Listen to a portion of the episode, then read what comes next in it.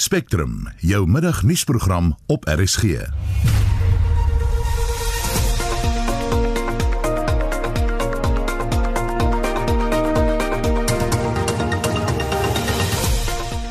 die program die president se besluit om die minister van verdediging te straf met 3 maande sonder betaling lot lok wyd reaksie uit. Ons kan eenvoudig nie toelaat dat die minister skotvry hiermee wegkom nie. Dis ook nie die eerste oortreding van hierdie minister nie. Sy staan ook beskuldig van die smokkel van haar oorlede seun se Burundiese vriendin aan boord 'n soortgelyke straler in die verlede. Ouers in Gauteng het slegs 7 dae om graad 1 en graad 8 plasings vir volgende jaar te aanvaar en ontevredenheid omdat ministers besnoeiings aan hulle begrotings moet maak vir SAL. Die span in die ateljee vanmiddag is redakteur Marlenae Forsie, produksieregisseur Evert Snyman en ek is Susan Paxton.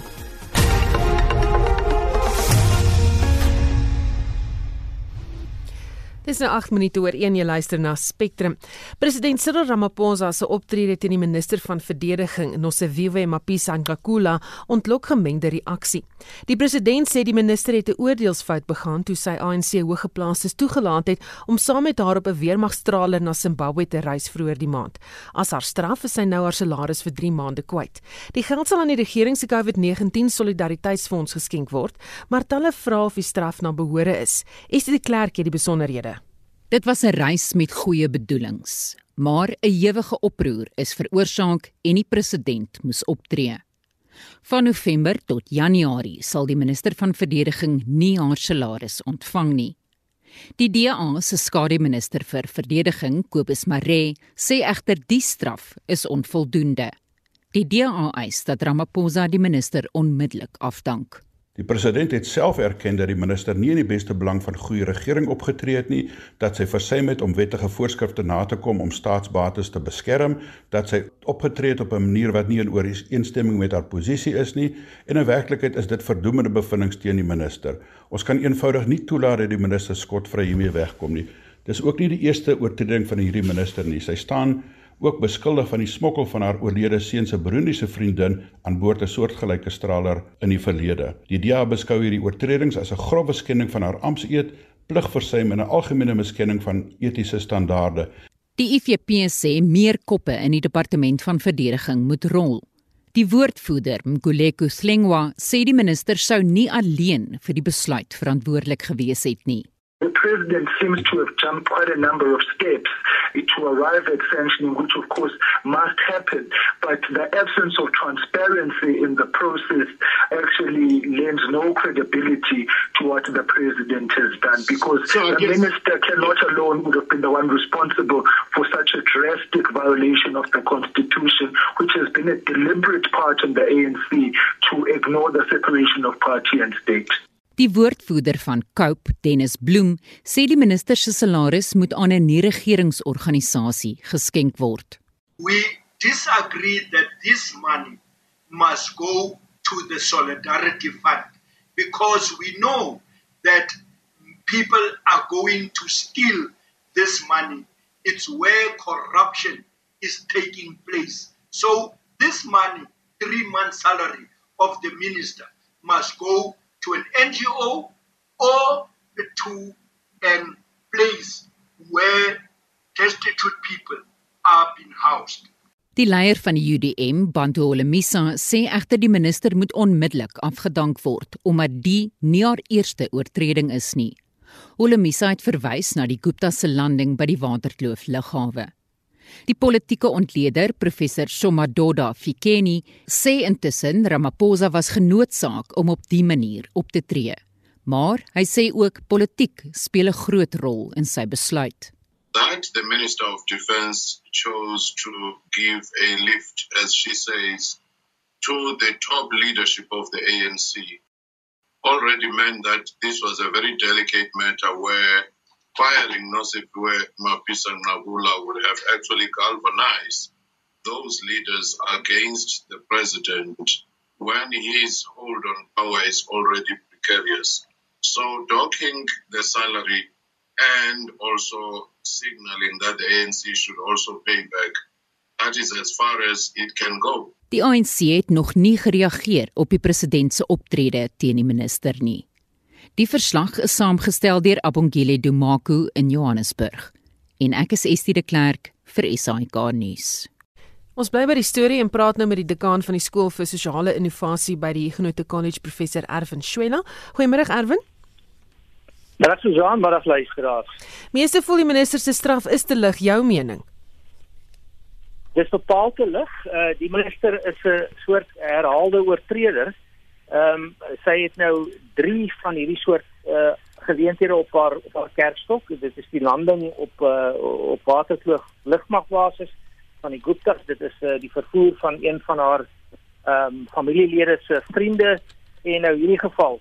En in elk geval ehm um, moet mense sê Susan, ehm um, hier is nie net COVID oortredings begaan of 'n uh, verwarring tussen staat en regering of uh terselfdertyd ehm um, iets in die orde van jy weet die die die, die ongemagtigde gebruik van die betrokke uh militêre vliegtuig nie. Dis 'n klomp ander kwessies wat ook ter sprake is. Nou wat van die president? Is dit moontlik dat hy nie geweet het van die vlug en wie daar gaan opwees nie? Hy behoort eintlik te geweet het as hy nie geweet het nie. So as daar 'n uh, situasie is dat uh, beweer kan word dat hy nie geweet het nie, dan is die stelsels ernstig gebrekkig. As die mense nou aanvaar daar was 'n klomp senior ANC-lede op die vliegtuig, is dit een ding. Die tweede aspek is natuurlik daar was ook senior ministers um, op die betrokke vlug. Nou, daar is besondere protokolle binne die sekuriteitsomgewing wanneer ministers ehm um, vlieg, moet dit natuurlik ook bekend wees in die kabinet en op 'n of ander manier aangeteken word. Daar's ook besondere protokolle rondom met betrekking tot die die hoeveelheid ministers wat op een gegee plek op risiko geplaas kan word. Ehm um, hier was senior ministers wat gestel nou maar in die onwaarskynlike situasie daar sou 'n vlugramp of 'n lugramp gewees het, dan was daar 'n groot uh, leemte in die kabinet. So dit alles dui daarop aan dat hierdie aspekte moes uitgeklaar gewees het en waarskynlik op een of ander manier ehm um, moes dit dat die president uitgeklaar gewees het of binne die presidentskap en binne die kabinet. En as dit nie is nie, dan behoort dit te gewees het. So die president kan nie eintlik beweer dat hy nie geweet het nie.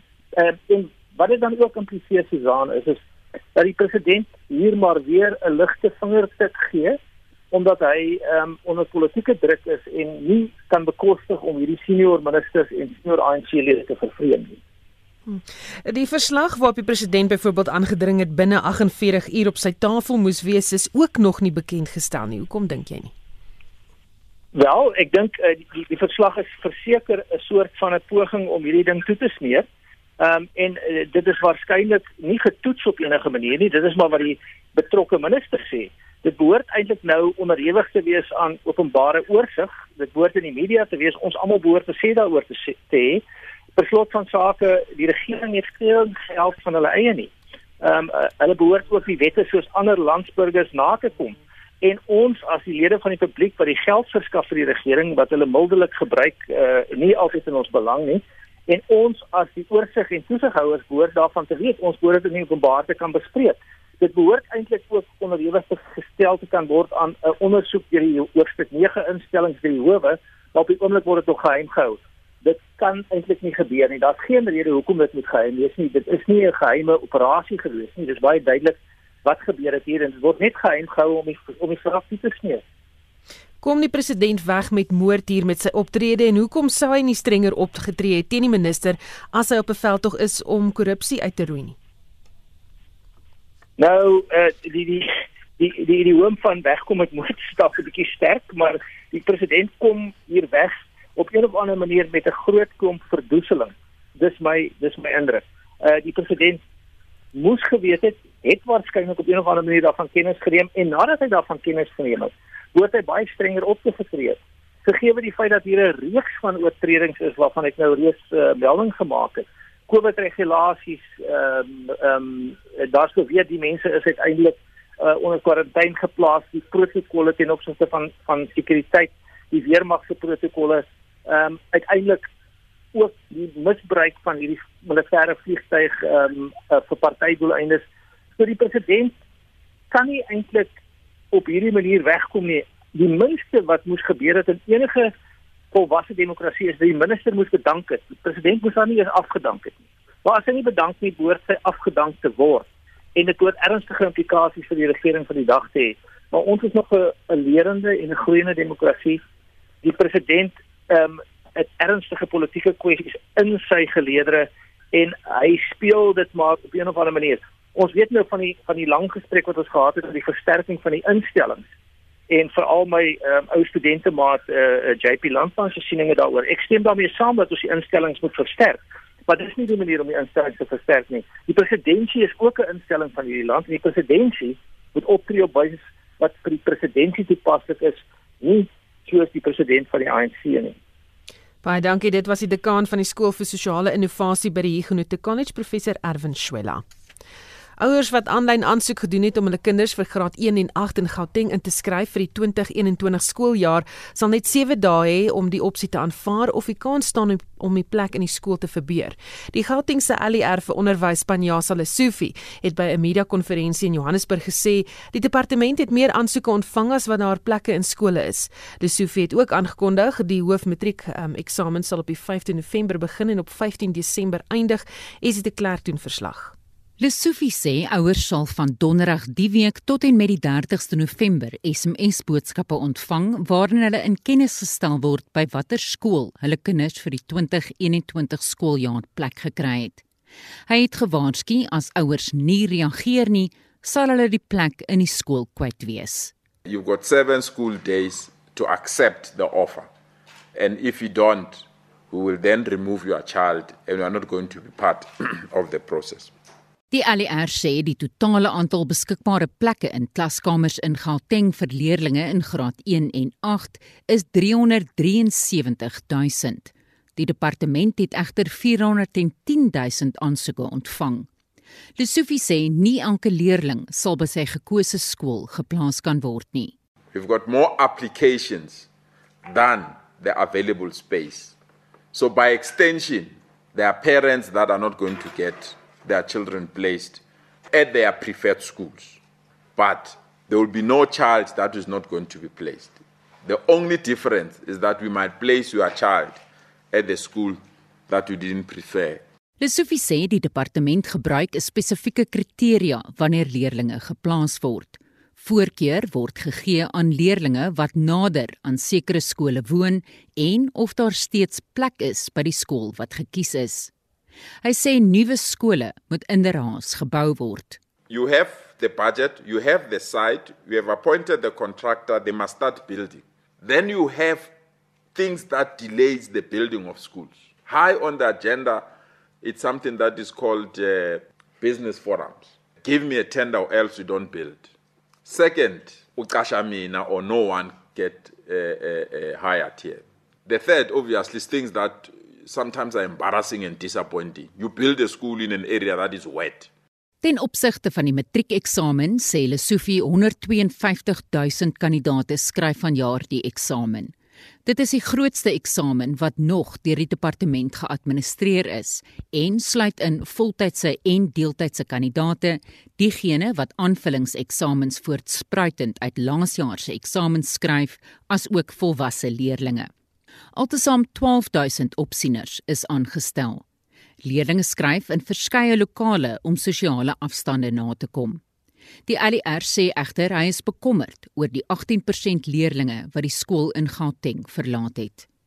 Die verslag is saamgestel deur Tsepo Pagani in Johannesburg en ek is Estie de Klerk vir SAK nuus.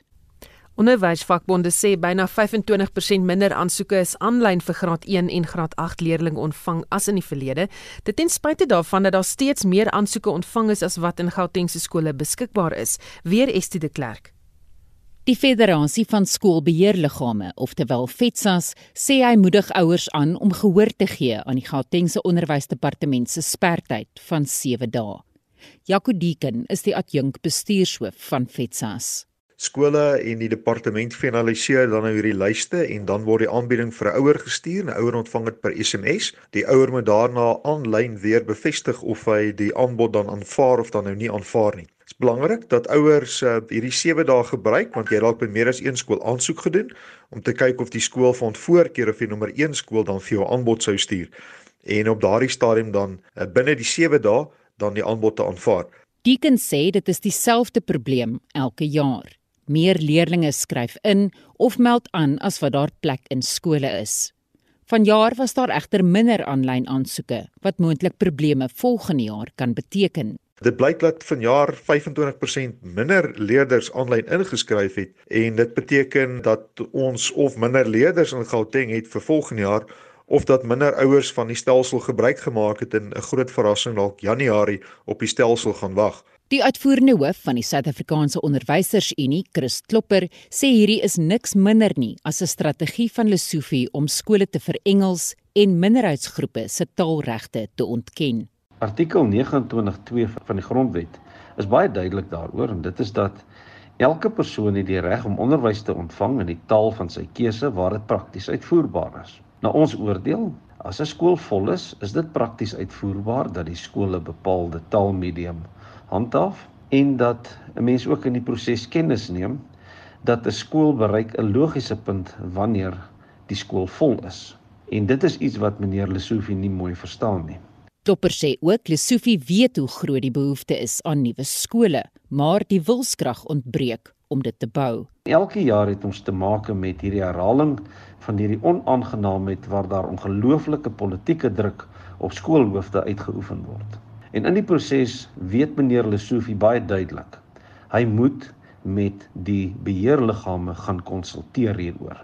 Nie politieke druk op hulle uitoefen nie, maar met hulle konsulteer soos 'n verantwoordelike politikus sal doen en te hoor of daar die moontlikheid is dat daar kapasiteit by die skool is. Dit lyk vir ons hy verstaan dit nie en dit is vir ons werklike teleurstelling. En ons kan nie sy huidige poging tot magsmisbruik enigsins erken of goed praat nie. Die uitvoerende direkteur van die onderwysvakbond Naptosa, Basil Manuel, sê hy is bekommerd oor of die stelsel die ekstra aansoeke sal kan hanteer. Hy sê ouers moet agslaan op die 7 dae spertyd. Ons wil net weet of elke ouer 7 dae sal kry. Dit help nie dat ons die 7 dae op die eerste begin en op die 7de eindig wanneer iemand nou seker eers die aanbieding op die 6de dag kry. En dit is waar ons bekommernis lê. Ons wil eintlik sien dat elke ouer ten minste 7 dae sal hê met die brief in die hand sodat hulle hulle opsies dan kan maak. Ons is nie heeltemal gelukkig met net 7 dae, maar ons weet ook dat daar baie mense is wat ook 'n opsie gegee moet word en mense moet moet gou besluit neem. Manuel sê ook Naptosa hoop die onderwysdepartement stel ekstra onderwysers aan vir al die ekstra leerdlinge wat in skole geakkommodeer moet word. Ek is Estie de Klerk vir SAK nuus. Die president het vanoggend in sy weeklikse nuusbrief geskryf dat nuwe regulasies in die staatskoerant gepubliseer is wat betrekking het op hernubare energie. President Ramaphosa het ook geskryf dat ons een van die grootste energieverbruikende ekonomieë is, maar dat ons baie afhanklik is van fossiel energie en dat dit moet verander. Ons praat nou met 'n senior lektor in chemiese en mineraalingenieurswese van die Noordwes Universiteit se Potchefstroom kampus, Corneel Skamport. Goeiemiddag Corneels. Middag Susan. Wat presies is in die staatskoerant gepubliseer? Wel Susan, as ons kyk na wat geskryf staan in die staatskoerant, dan gaan dit oor elektrisiteitssekerheid en die elemente wat identifiseer is, sluit die volgende in: 6.8 gigawatt fotovoltaïs, met ander woorde dis soos die sonpanele wat mens sien op huise, maar nou net groot sonplase. Wind is ook daaronder, dan 1.5 gigawatt steenkool 3 gigawatt gas, so dit sal met turbines wees en dan 513 megawatt gestoorde energie. So ons dink in die lyn van batterye of soortgelyke tegnologie. So as ons dit bymekaar tel, beteken dit dis so 11,3 gigawatt nuwe kapasiteit en daai 513 is dan nou batterye. Want wat ons hier net te doen het is fluktuerende bronne ook. Ek bedoel as die son skyn, dan is daar fotovoltaïese elektrisiteit, maar as die son nie skyn nie, dan is daar nie. So dan stoor jy dit in hierdie batterye en dan later kan 'n mens weer dit gebruik soos daar nodig daarvoor is.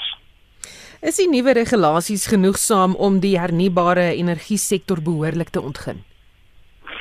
Nou Susan, ek sal begin deur te sê kom ons wees dankbaar vir hierdie stappe die regering geneem het uit die aard van die saak dis nie ideaal nie en daar's 'n klomp redes hoekom dit nog nie 100% ideaal is nie, maar hierdie is definitief 'n uh, 'n stap in die regte rigting. En en daar's 'n paar voordele aan wat hier in die gang is. Baie van hierdie tegnologieë kan baie vinnig op die been gebring word. Vat byvoorbeeld Medupi wat 'n steenkoolstasie is Konstruksie het begin in 2007. Die laaste eenheid het eers einde 2019 um in bedryf gekom. Met ander woorde, dis 12 jaar waarvan hierdie tegnologieë soos wind en fotovoltaïs 2 jaar en dis aanlyn en dit is daar. So daar's daar's baie voordele hieraan verbonde en dit is weer eens soos ek sê 'n stap in die regte rigting en dit begin die deur oopmaak. Uit die aard van die saak dit sal ideaal wees as daar nog meer wetgewing is om byvoorbeeld te stel dat daar 'n sekere persentasie van die energie mensel moet hernubaar wees want wat nou byvoorbeeld gebeur is met hierdie voorstel kom daar sekere maatskappye hulle tender so nou oor tenders praat hulle kom en hulle tender en op die einde van die dag as die deure dan weer toemaak baie van hierdie maatskappye wat eerder wil hê dat dat van hierdie maatskappye wat in hernubare energie spesialiseer hier sou inkom en hier sou bly op die langer termyn. Ehm um, soos ek gesê het, tenders. Uh, tenders is 'n interessante verskynsel in Suid-Afrika. So die manier hoe hierdie energie ook geïnstalleer gaan word, gaan deur 'n uh, tenderproses wees en ek hoop hierdie tenderproses gaan nie dieselfde wees as wat ons al in die verlede gesien het nie. 'n Ander ding wat bietjie iets van van 'n problematiese aspek is, is die is die tydlyn wat nie heeltemal vas is nie. Maar soos ek sê, kom ons wees positief, kom ons hoop dat uh, hierdie uh, wel sal vrugte afwerk. Hoe kan Eskom die hernubare kragsektor aanwend om geld te maak en nie te verloor nie? Nou hierdie is 'n interessante punt want die wetgewing is nou deur die staatskoerant gepubliseer Eskom gaan moet volgens hierdie regulasies kry wat hulle kry. Nou ons ons hoop dat die onderhandeling so sal plaasvind dat goedkoop sal wees dat hulle op die einde van die dag 'n wins daai kan maak. Ehm um, maar dit is nie verlede wat vir die probleem. Hulle word verbind, hulle moet die energie koop van hierdie onafhanklike kragvoorsieners in die eerste plek en in die tweede plek die pryse slaap vas. En in sommige gevalle het dit gebeur dat hulle dan krag aangekoop het teen 'n hoër prys en dit dan verkoop het in 'n laer prys met ander woorde hulle maak uit en uit te verlies. So hopelik weer eens daai regulasies moet nog uitgestryk word. Wat gaan daai bedrag wees wat oorbetaal word? Maar my gevoel is is dat aspekte soos windkrag en sonkrag het soveel afgekom in die laaste paar jaar dat dit wel winsgewend kan wees. Daar's 'n ander probleem en en, en ek weet hierdie klink dalk snaaks om te sê, maar ek kry vir iets kom baie jammer in die opsig dat 'n groot deel van hulle gebruikers is wanbetalers en ons sit met hierdie kultuur van wanbetaling in Suid-Afrika en daar is nie noodwendig die politieke wil om dit te beëindig nie. Gevolglik in 'n ideale wêreld sou iets kon kon werk, maar ongelukkig daar's daar aspekte soos wanbetaling wat wat dit maak dat word voorsien, dit word gebruik, maar die gebruiker betaal nie noodwendig nie en die politieke wil is daar nie want die persone wat daai krag dan nou verniet kry om daai persone aan te spreek, ons sit volgende jaar met 'n verkiesingsjaar op hande en en dit gaan weer daar reperkusies hê. Baie dankie. Dit was 'n senior lektor in chemiese en mineraalingenieurswese van die Noordwes Universiteit se Potchefstroom kampus, Corneel Skambort. Jy luister na Spectrum elke weekmiddag tussen 1 en 2.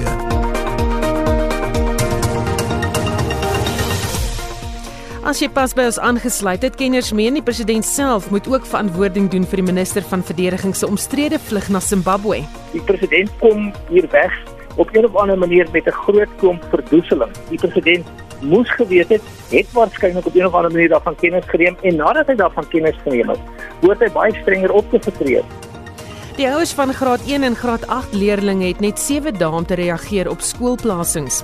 Later in die program die minister van gesondheid se besluit om die COVID-19 raad te ontbind laat die wenkbroue lig en 'n konseptaalbeleid van die Raad vir Regspraktisyns word beskou as 'n bedreiging vir moedertaal.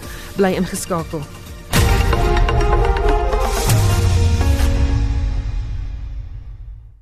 Kaapstad se internasionale lughawe sowel as die toerisme en gasvryheidsbedryf in die Wes-Kaap is gereed om besoekers na die streek te verwelkom.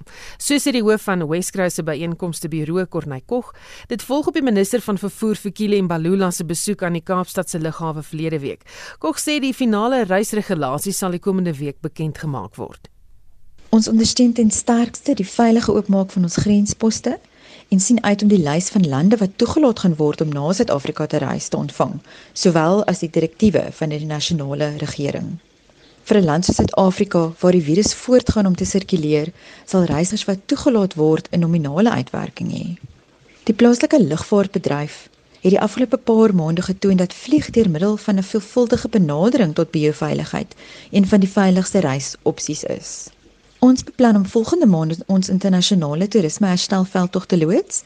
Met ons oop ruimtes wat perfek is om in die COVID-19 wêreld te reis, het ons 'n veldtog opgestel wat ons tradisionele markte sal aanspreek en nuwe markte sal lok om ons op hulle oorwegingslys te plaas en uh, dit natuurlik die stem van eh uh, Corneille Koch wat ons uh, daarmee gepraat het. 'n Koor stemme het opgeklink teen planne om ministers in die kabinet te vra om verder besnoeiings aan hul begrotings te maak sodat die befondsing van 10,4 miljard rand aan die Suid-Afrikaanse lugdiens beskikbaar gemaak kan word. Verskeie mense is oortuig daarvan die armes gaan betaal vir die befondsing van die lugredery en ons praat nou met 'n onafhanklike lugvaart-ekonoom Dr. Joachim Vermoten. Goeiemôre Joachim. Ons begin met Goeiemiddag uh, Susan en luisteraars. Sê vir my die regering is steeds onheilspellend stil oor waar die befondsing vandaan gaan kom. Ja, dis uh, baie interessant om dop te hou. Uh, Daar's 'n groot hoeveelheid geld nodig uh, volgens die besigheidsplan 26.9 biljoen waarvan 24.9 ehm uh, vir ou skuld is en dan net 2 biljoen vir nuwe uh uh uh loodsing van SALS. Uh daarbey is daar ook 2.15 uh, miljoen nodig uh vir finansiering van die filiale, maar dit is nie ingesluit in die uh behoeftes vir die uh, besigheids uh, uh redings uh, uh proteins voorgestel het nie. En uh daardie is nou natuurlik 'n probleem waar uh Israel tegnies nie meer werk wil doen vir Israel of vir Mango nie en uh, effektief uh, alle geskeduleerde operasies uh, in gevaar stel. Mango het nou reeds begin vliegtuie in, in hier vanaf Global Aviation. So, uh, dit is 'n uh, redelike deurmekaar spel. En is daar al duidelikheid oor die befondsing wat moet kom na die 10,4 miljard rand gegee is en gespandeer is? Nee, glad nie. Uh, die 10.5 is eh, 'n uh, probleem en dan die 16.4 is al reeds verlede jaar ag vorige begroting uh, geoormerk uh, om te betaal te word en dit bring ons by die 26.9. En dan is daar nog verdere geld nodig soos die 6.4 om 3 jaar se verliese te dek en dan 'n uh, verdere 2.15 uh, vir die filiale soos wat ek genoem het. So dit is almal wag in spanning om te sien hoe hierdie hele storie befonds gaan word. Ehm um, tot dusver ongelukkig het die regering gebruik gemaak van ehm uh, waarborge wat uitgereik word aan banke en dan net meer en meer geld van die banke geleen. Nou is dit op 'n vlak waar uh, die banke nie meer die finansiering wil eintlik gee nie. En ehm uh, daar moet nou besin word waar uh, die geld vandaan gaan word uh om die banke se lenings terug te, te kan betaal en natuurlik bestaande operasies uh te kan befonds. En uh dit kom maar net uit baie beperkte bronne. Die eerste is natuurlik uit uh uh befondsing wat al reeds uh, beskikbaar is. En uh, dan natuurlik is die hele uh, kwessie van uh geld op die uiteinde kos alles geld en daar is nie genoeg befondsing beskikbaar om uh, fondse beskikbaar te maak uh, vir die behoeftes van Israel en van Mango nie. Waarop stuur hierdie af na jou mening? Ek dink dit stuur 'n uitermate krisis af en um, 'n verlies in uh, vertroue in die staat se vertroue ag vermoë om uh, lugdienste te kan bedryf.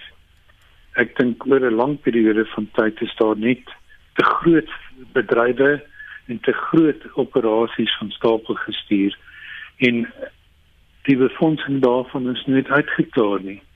En dit is alles uitgestel tot latere tye en daardie tye het nou aangebreek waar uh, ons ongelukkig uh, met of die fondse beskikbaar stel al dan nie. Baie dankie, dit was 'n onafhanklike lugvaart-ekonoom Dr. Joachim Vermoten. Die besluit deur die minister van gesondheid Dr Zweli Mkhize om die regering se COVID-19 raad te ontbind en 'n nuwe liggaam saam te stel, laat die wenkbroue lig. Ons praat nou met Dr Angelique Kutse van die Suid-Afrikaanse Mediese Vereniging oor of daar rede tot kommer is. Goeiemiddag Angelique. Middag en uh, goeiemiddag aan al die luisteraars daar buite. Jy het self van die advieskomitee gedien. Wanneer het julle die nuus ontvang? Ehm um, ons het dit Vrydag middag ontvang. So ja, vier se kant het, het, het, het ons dit net so net via 'n um, uh, 'n mail ontvang. En het die meningsverskille gemail, ja? Ja, skies, het die meningsverskille hmm. tussen die wetenskaplikes en die politici dalk iets daarmee te doen? Dis is baie moeilik. Dit is ehm um, ons kan spekuleer daaroor. Ehm um, waarskynlik speel dit 'n rol. Ehm um, ook dink ek die minister het weet ehm um, waarskynlik besluit dat ehm um, die die huidige komitee mag dalk vir hom te groot wees. Ek uh, weet nie daar waar daar was net geen ehm um, enige uh ehm um, verduideliking nie. Daar was maar net vir ons gesê weet dat die die minister wil net sê vir ons dankie sê I get uh, would like to express his gratitude and appreciation for commitment and dedication and serving on the ministerial advisory committee for the previous term and your contribution has led to the containment of the COVID pandemic and the new members of the MAC will assume duty soon. So ons weet niks dis al, dis al wat in die brief gestaan het. So ons weet niks, nie. ons weet nie of hy die hele komitee ontbind het nie en of hy dit kleiner wil maak nie. Ehm um, wat die storie is nie. Ons weet glad nie. Dink jy dit is ook nie geweet ons was daar vir 'n term nie. Dit het ons ook nie geweet nie. Ja. Goed, so dink jy dit is voortydig? Natuurlik is dit voortydig. Hy sal hy jy weet ehm um, soos wat ons die hele tyd bly sê, ons is nog ver uit die pandemie uit. So wat moet eintlik gebeur is ek kan die komitee dalk wel miskien kleiner maak van as oor die 50 mense wat op daai komitee sit onthou ons het almal op hierdie komitee ehm um, sonder weet ons word nie vergoeding vergoed daarvoor nie. Dit is ons tyd wat ons gee ehm um, so weet om om ons se tribuna diens wat ons lewer om op hierdie ehm um, komitees te doen en dat ons ons land kan help en dit vorentoe kom vat. So ek weet daar daar is 'n komitee aangestel laas week wat hy noem die vaksinasie komitee van die MEC waar on hulle nou 'n klomp ehm uh, uh, uh, dis nie 'n fisieke groot komitee nie waar hulle nou kyk na weet die vaksinasie en ook hoe mense dan die kontrakte vorentoe doen om te kan kyk of ons kan enstof kry. So ehm um, 'n klein klein groepie wat waarmee hy daar gaan werk. Maar jy gaan nog steeds 'n mediese advieskomitee nodig hê.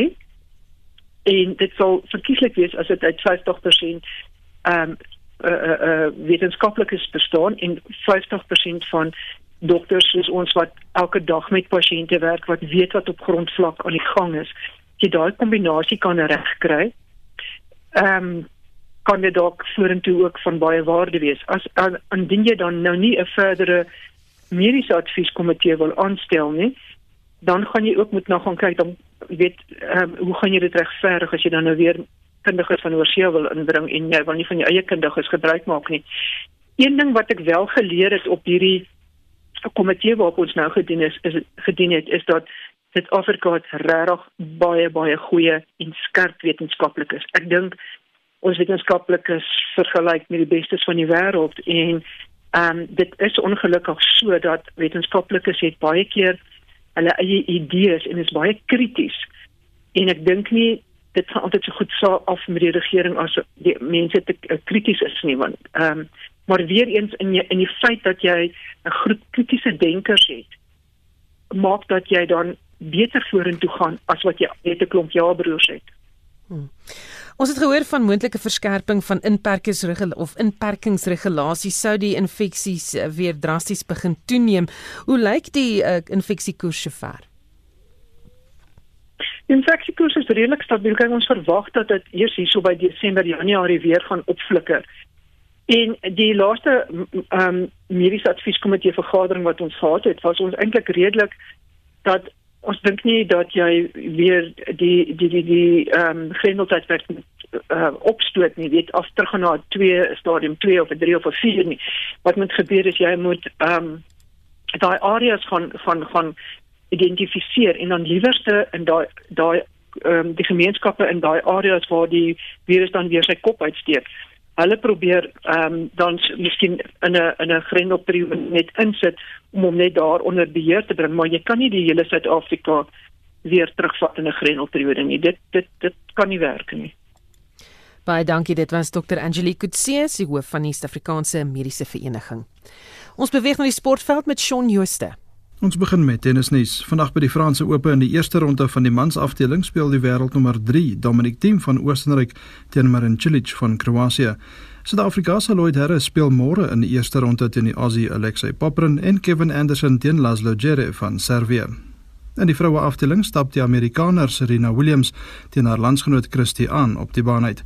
Suid-Afrika se Ryan Klassen en sy spanmaat van Oostenryk Oliver Marag se eerste ronde wedstryd in die dubbelspel is môre teen die plaaslike Benjamin Bonzi en Antoine Huang. Op die cricketveld pak die Mumbai Indians en Royal Challengers Bangalore mekaar vanmiddag 4uur in die IPL reeks. En Engeland en die Windies se vroue spanne skuur ook vanaand in die 4de wedstryd van hulle T20 reeks in Southampton skouers. Die tuisspan loop 3-0 voor.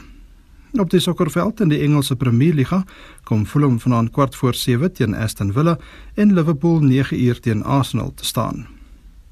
En laastens Devin Peterson het geskiedenis gemaak toe hy die eerste Suid-Afrikaner geword het om 'n professionele veerpeltjie toernooi in Europa te wen.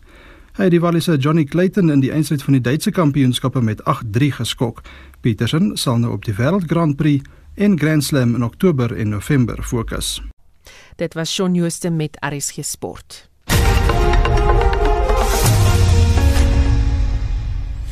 Die produsenteprysindeks het in Augustus tot 2,4 gestyg van Julie se 1,9. Statistiek Suid-Afrika het kort gelede die jongste syfers bekend gemaak en ons praat nou met die ekonom Ulrich Huber daaroor. Goeiemôre Ulrich. Goeiemôre Susan. Hoe het die indeks oor die algemeen vertoon?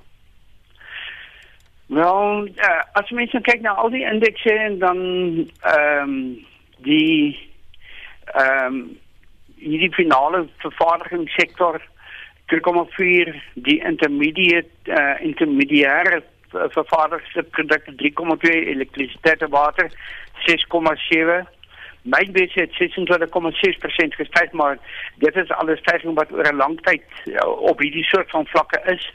Uh, en dan die landbou het met 6,5 gestyg. So as mense nou kyk na hierdie finale vervaardigde produkte wat maar eintlik die aanduider is waarmee ons werk as ons praat oor die produsenteprysindeks 2,4 teen 1,9 dit is 'n versnelling wat ons gehad het en as mense 'n bietjie terugkyk dan het ons die vorige 2 maande het ons stygings gehad van 0,4 en 0,5%. So de, hier is 'n versnelling aanvaar dat teenoor Mei en Junie toe die ekonomie nog regtig baie geslote was, uh behoort mense seker nou ook 'n stygings te kry wat versnel.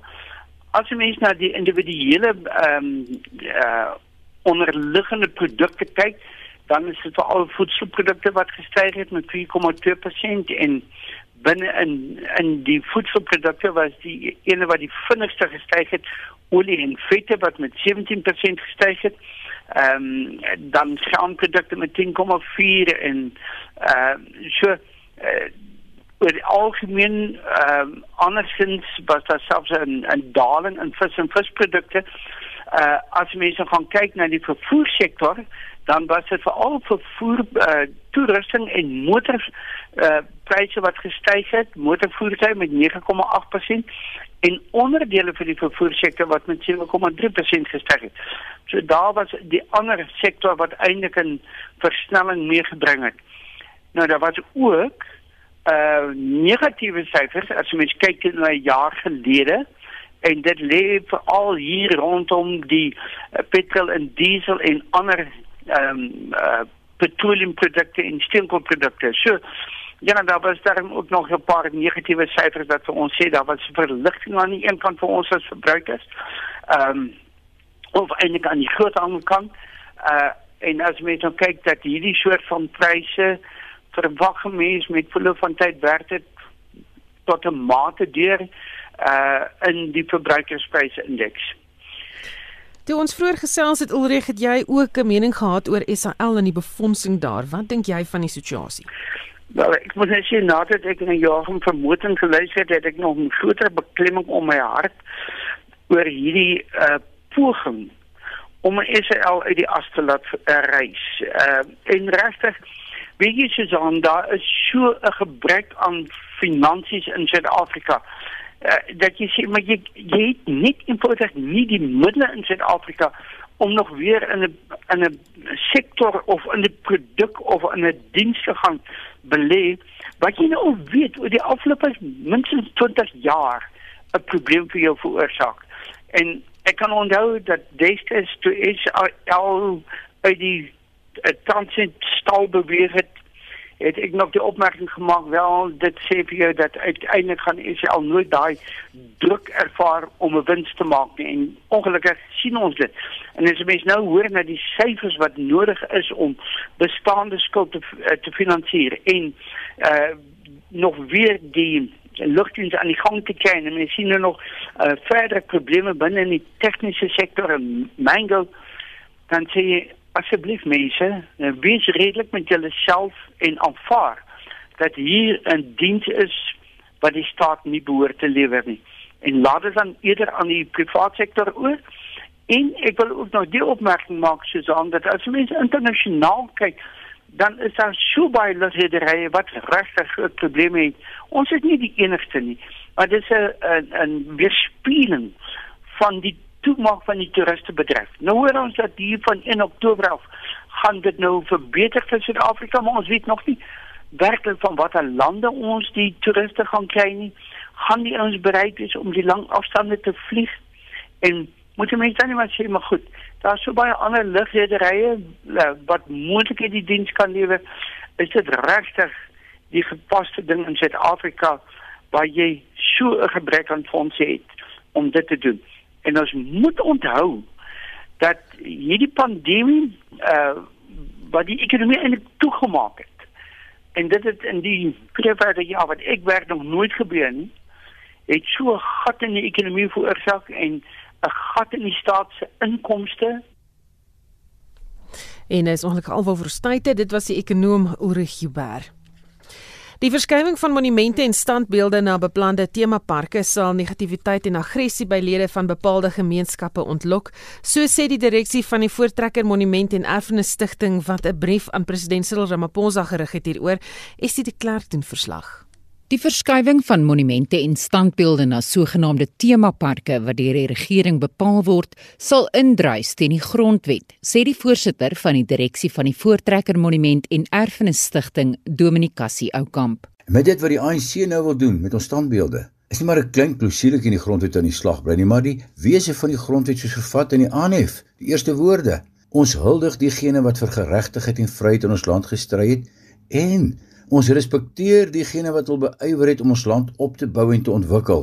En ons glo dat Suid-Afrika behoort aan almal wat daarin woon, verenig in ons verskeidenheid. Suid-Afrika is 'n land met ryke verskeidenheid. Suid-Afrika is 'n land met 'n ryke geskiedenis. Dis 'n erkenning. Daar is verskillende geskiedenisse, verskillende stories en elkeen het sy regmatige plek. ANC temaparke sal die geskiedenis van spesifiek die Afrikaanse gemeenskap in die hande van die een Big Brother plaas wat ons standbeelde soos spionne op hulle skaakbord kan skuif. Oukamp sê monumente en standbeelde is tasbare simbole van die ryke en diverse geskiedenis van al die gemeenskappe in Suid-Afrika en van die land as geheel. En 'n besluit om die simbole te skuif kan nie alleen deur die regering geneem word nie. Dit sal 'n ontkenning van die Suid-Afrikaanse landskap tot gevolg hê. Die regering, die ANC regering is die regering van die dag. Monumente en standbeelde is simbole van die eeue. Hierdie is by uitstek nie 'n saak wat van bo af deur die regering eensydig afgedwing mag word nie, maar 'n saak waarin gemeenskappe met mekaar in gesprek moet tree in die gees van die lese op ons landswapen, eenheid en verskeidenheid. Selfs die Wet op Nasionale Erfenishulpbronne, nommer 25 van 99, erken dat gemeenskappe in vennootskap met die regering moet tree om hul erfenis te bewaar. Oukamp sê gedwonge verskywing kan tot negativiteit en selfs aggressie by lede van bepaalde gemeenskappe lei. 'n Monument standbeeld wek emosie in jou hart op. Dis nie bloot 'n saak van koue historiese feite nie, maar van die hartslagaar van 'n gemeenskap, van 'n volk. Kyk maar na die emosie wat aantasting van hierdie simbole oor die eeue heen oor die van net veroorsaak dat Afrikaners gaan sê, lyk my ek en my mense hoort nie hier nie. Dis 'n negatiewe reaksie. Maar dit kan ook veroorsaak dat die emosionele temperatuur in ons land kookpunt bereik en mense die reg in eie hande neem om hulle eie te verdedig. Oukamp sê die enigste oplossing vir die tamaletjie is dat die regering en gemeenskappe saam 'n besluit hieroor moet neem. Ek is Estie de Klerk vir SAK nuus. Joernaliste wêreldwyd vier vandag internasionale nuuskantoordag te midde van die COVID-pandemie. Dan word veral klem geplaas op die impak van COVID-19 op die werkinge van die nuuskantoor. Die redakteur van die Vrye Weekblad, Max de Pre, het vanoggend op Monitor aan Anita Visser gesê, die toenemende gebruik van telefoniese beriggewing weens finansiële druk en die COVID-19 pandemie is 'n bitter ongesonde praktyk. 'n Joernalis se groot grootste waarde is om autentiek te wees en om geloofwaardig te wees ons is die oë en die ore en die neus van die van die publiek. Nie net die oë nie of nie net die ore nie. Verslaggewing op die grond tussen die mense waar jy die atmosfeer kan voel waar die mense se lyfstaal kan kan lees waar mm. mense uh, interaksie met jou hê dis is bitter belangrik. Ehm um, verslaggewers moet aan die situasie self blootgestel word met die mense in die oë kyk om nader aan 'n behoorlike insig te kom. En dit gebeur nie meer so maklik nie. Ek is bang die pandemie gaan ons in die gewoonte laat verval dat jy bloot kan sê ag ek bel sommer gou die ou. Ons mm. doen selfs daar onderhoude of profile met mense op die telefoon. Ja.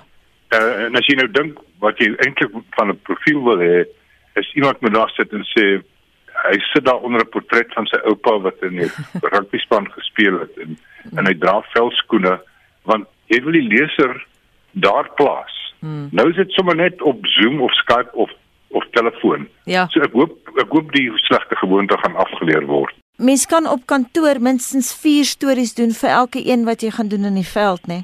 Ons sit op die oomblik in die situasie waar daar van joernaliste joernaliste verwag word om meer as een selfs meer as twee stories per dag te doen.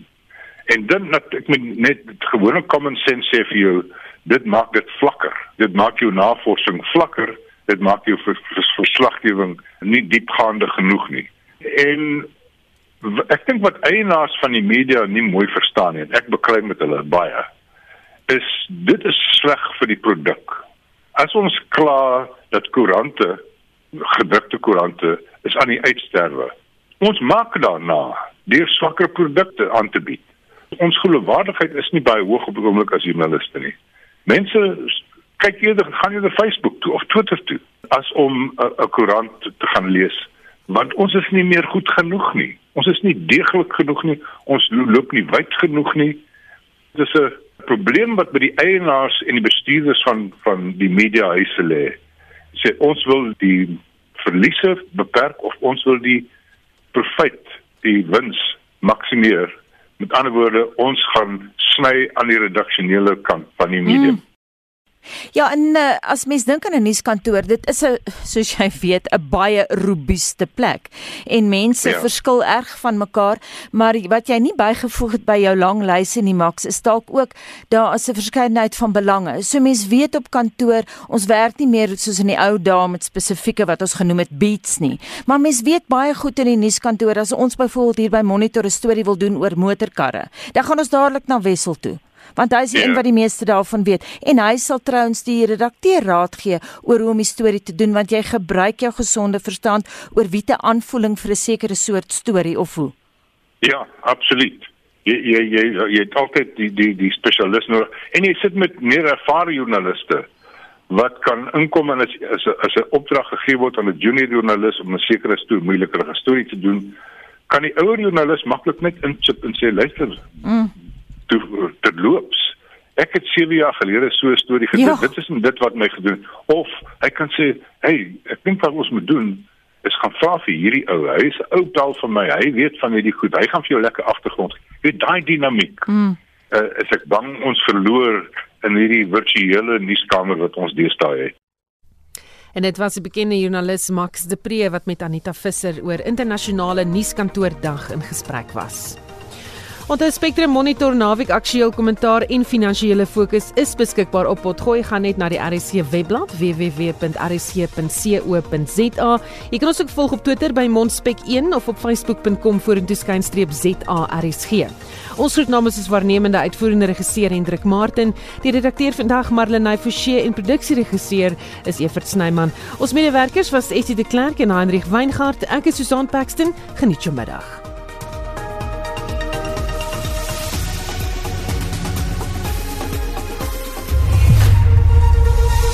SAK nuus. Onafhanklik, onpartydig.